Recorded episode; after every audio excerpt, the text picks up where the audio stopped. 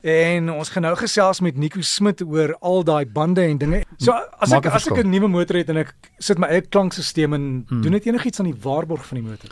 Dit hang af wat se motor dit is. Ehm um, dis eh, so as jy is amper hoe dieter die voertuig raak, ehm um, hoe moeiliker raak dit om jou eie goeders te doen. Ek onthou vroeër was dit ehm um, jy het jou eie klankstelsel gehad en baie mense het het die ehm um, luidsprekers agter uh, in die voertuig gesit. Ek weet veral met 'n iets soos cinema golf, dan het hulle gade geboor aan die agterkant om jou spykers uh, ag jou luidsprekers in te sit. en party mense het 'n 'n groot ehm um, ehm um, in Engels praat hulle van 'n subwoofer, 'n hele bak vol gehad. Ja, daar was nie spasie om jou um, bagasie in te sit nie. So vandag ehm um, is dit ehm um, vir die vervaardigers baie groot geld um, kom kom ons sê nie groot geld nie, maar hulle sal dan met 'n maatskappy, ehm um, musiekmaatskappy amper of ouens wat klankstelsels maak, byvoorbeeld Bang Olufsen of Bowers and Wilkins of Harman Kardon. So hulle gaan dan die, na die vervaardigers toe en dan word dit saam met die kar getoets. Met ander woorde, wanneer die kar gebou word al, is al klaar die ontwikkeling van die klankstelsel. So terwyl die kar ontwikkel word, dan gaan die vervaardiger kom ons sê Bang Olufsen en hulle begin ontklak kyk waar moet die luidsprekers sit in die kar om die, om die, om die beste klank in die kar te kry.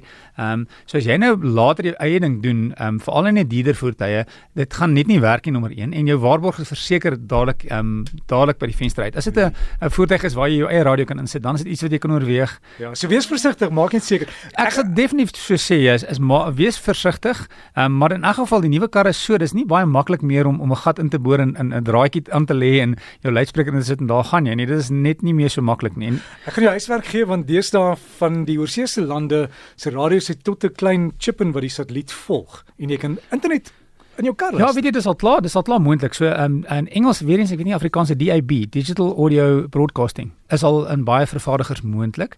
Ehm um, met ander woorde, jy ehm um, die radio uh, kyk dan die digitale syne, maar weer eens al klaar tans kan jy met jou foon ehm um, as jy na musiek kan luister, ehm um, internasionale musiekradiostasies is eintlik al redelik maklik. So jy jy het 'n uh, ehm um, 'n sekere toep uh, wat jy dan die musiek aflaai ja. en dan of dan kan jy daarna luister. So dis daar die die die moontlikhede vir vir klankstelsels is baie goed, maar die klankstelsels is ook nie regtig so duur nie. As jy as jy kyk na die waarde ja. van die voertuig en die klankstelsels, so die selfs standaard klankstelsels is al is al baie beter wat ek in my Golf ja. gehad het lank gelede. Dis dis jou huiswerk. Ons vra vir volgende okay. geleentheid daar. Wiele, almal het nommertjies op. Wat beteken dit? So ehm um, die die rede vir die geskryf op die band nommer 1 is om vir jou aanleiding te gee ehm um, wat is die grootte van die band?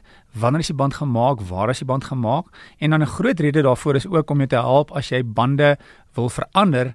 Nou, maar die grootste uh, ding wat belangrik is, as jy vir jou voertuig groter wiele wil opsit, is om die omtrek van die band moet dieselfde wees.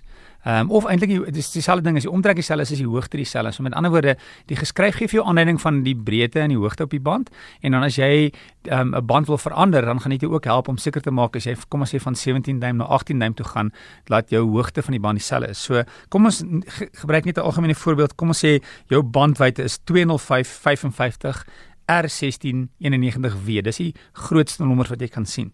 Ehm um, 205 is die wyte van die band. So as jy van vooraf van die voertuig kyk van die neus, dis hoe wyd die band is. Die 5 en dit word gemeet in millimeters. Die 55 is die hoogte van die band. So as jy van die kant van die voertuig af kyk, van die teerpad na jou um, jou kom ons sê in Engels jou mag of jou velling, dis daai hoogte en daai 55 is 'n persentasie van die 205. So die 205 wat die wyte is, die 55 is 55% van 205. Dan sien jy gewoonlik die letter R, ek dink omtrent alle bande het R en dis die die hoe die wand gemaak is in Engels is dit radial. Dan die 16 is is die in Engels die mag of die velling, die grootte van die velling. Dan is daar twee ander nommertjies wat belangrik is is ehm um, uh, 91 en dan W.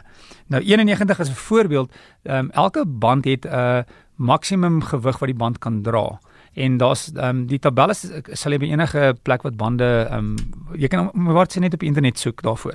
Die 91 sê dan uh 615 kg as 'n voorbeeld en kom ons sê dis 92 is 630 kg. So in in 15 kg um, is dit elke keer hoeveel gewig kan die band wat is die maksimum gewig wat die band kan dra? Natuurlik kan jy dit met 4 maal dit gee vir jou 'n aanduiding van wat is die maksimum gewig wat die voertuig kan dra en dan die laaste nommertjie is 'n lettertjie ehm um, van die alfabet. Kom ons sê dis U H V W en dit is hier in Engels praat hulle van die speed rating met ander woorde wat is die maksimum spoed wat die band veilig kan beweeg um, wat toegelaat word. So U is 200, H is 210, V is 240, W is 270, Y is 300. Met ander woorde, veral as jy hoë verrigting voertuig het, gaan jy meer 'n VW of 'n Y sien.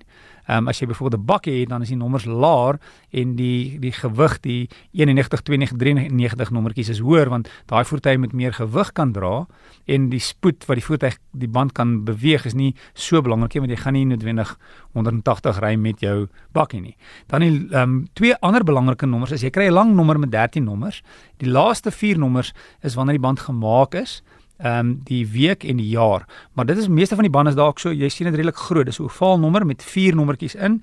Kom ons neem 'n voorbeeld, jy die nommer is 3017. Dan die 30 is die 30ste week en die 17 is van 2017 en dis baie belangrike goeders wat jy moet na kyk want as jy 'n band het 'n 'n 'n 'n rakleeftyd effektiewelik. So ehm um, kom ons sê as hy op 'n rak is 5 jaar raklewe en ehm um, na 'n sekere tydperk het jy nie meer 'n waarborg op die band nie. So baie maal sê jy sien hoor hierdie bande is baie goedkoop, maar dit kan wees omdat die bande redelik lank al op 'n rak gelê het en nie verkoop is nie. So uh, jy moet ehm um, kyk ook na daai nommertjie wanneer die band is en as jou jou nommertjie 5 6 7 vir al 10 jaar is dit 'n goeie idee om eintlik maar jou bande te vervang. Al is jou loopvlak goed, want jou bande werk nie meer so goed nie. Die rubber het nie meer die vermoë um, om aan die pad te kleef soos dit vroeër gehad het nie. So daai daai daai tydjie of die tyd datum wat die band gemaak is is nogal 'n belangrike een om te kyk. Dit is belangrik op jou sleepwa wat heeltyd op 'n sementvloer staan, hè. Baie sleg vir 'n sleepwa. 'n Nat sementvloer is byvoorbeeld die slegste vir 'n band. So dis 'n ander ding jou sleepwa as jy nou al 10 jaar 'n sleepwa het nog nooit na die bande gekyk nie. So gaan na die bande, jy gaan weer die daad vervaardigingsdatum sien. Daai bande word redelik hard. Die bande begin baie maal kraak en word baie bros. Is regtig ehm um, uh, die ekstra geld wat jy spandeer op nuwe bande is baie beter as om die, die voertuig ehm um, die die bande raak onklaar en en jy kan 'n groot ongeluk maak. En ek sien bande het baie keer dit lyk soos soos baard wat nie geskeur is nie wat so uitsteek oral baie sleg. Nee nee, ek praat van nuwe bande. O ja. O, o die knoppetjies, ek knoppetjies. Ja. ja ja ja, dis maar net 'n splinter nuwe bande soos 'n splinter nuwe skoen jy. Ehm um, as jy uh, dis daai knoppies is maar deel van die vervaardigingsproses. Ek ek, ek dink jy, jy het gepraat as jy as hy so begin O nee, nee. so so rafel. Ek as jy die sel kan sien. Ja, as jy dan sit baie sleg. Ehm um, ehm um, ja, nee, so da, dis maar 'n nuwe bande lyk. Like. En natuurlik as jy vir wil vervang as jy loopvlak, ehm um, dit ons praat nou 'n bietjie van reën en tans het ons nie probleme in Gauteng nie want ons het nie reën nie in die Kaap is dit heeltemal andersom. Maar wanneer jy uh, as jy net kom ons sê jy bly in Gauteng. Wanneer begin reën, nou het ons nie probleme nie. Wanneer begin reën en jou band het nie meer loopvlak nie, die eerste reën is baie gevaarlik want jy het baie olie wat na die oppervlak toe kom en en, en gedeeltes van die band en dan as jy nie loopvlak het nie, het die band nie, nie meer vermoë om die water te verplaas nie. So die maklikste is net 'n vuurtjie. Sit 'n vuurtjie in die, die natuurlik nie reg op nie, maar plat en die loopvlak as die vuurtjie uitsteek, is dit um, amper tyd om om te vervang. Gewoonlik is daar driehoekies. As jy kyk aan die kant van die band, is daar eintlik 'n driehoekie aan die kant en aan die binnekant is daar 'n 'n klein bultjie. En as die bultjie en die loopvlak gelyk is, is dit nou tyd om die band te vervang. So Dit is jy moet werd um, om om na jou bande te kyk. Ons vergeet baie maal as die laaste ding waarna jy kyk, want dit is een van die belangrikste dinge in jou kar want al daai al die stelsels werk deur die bande.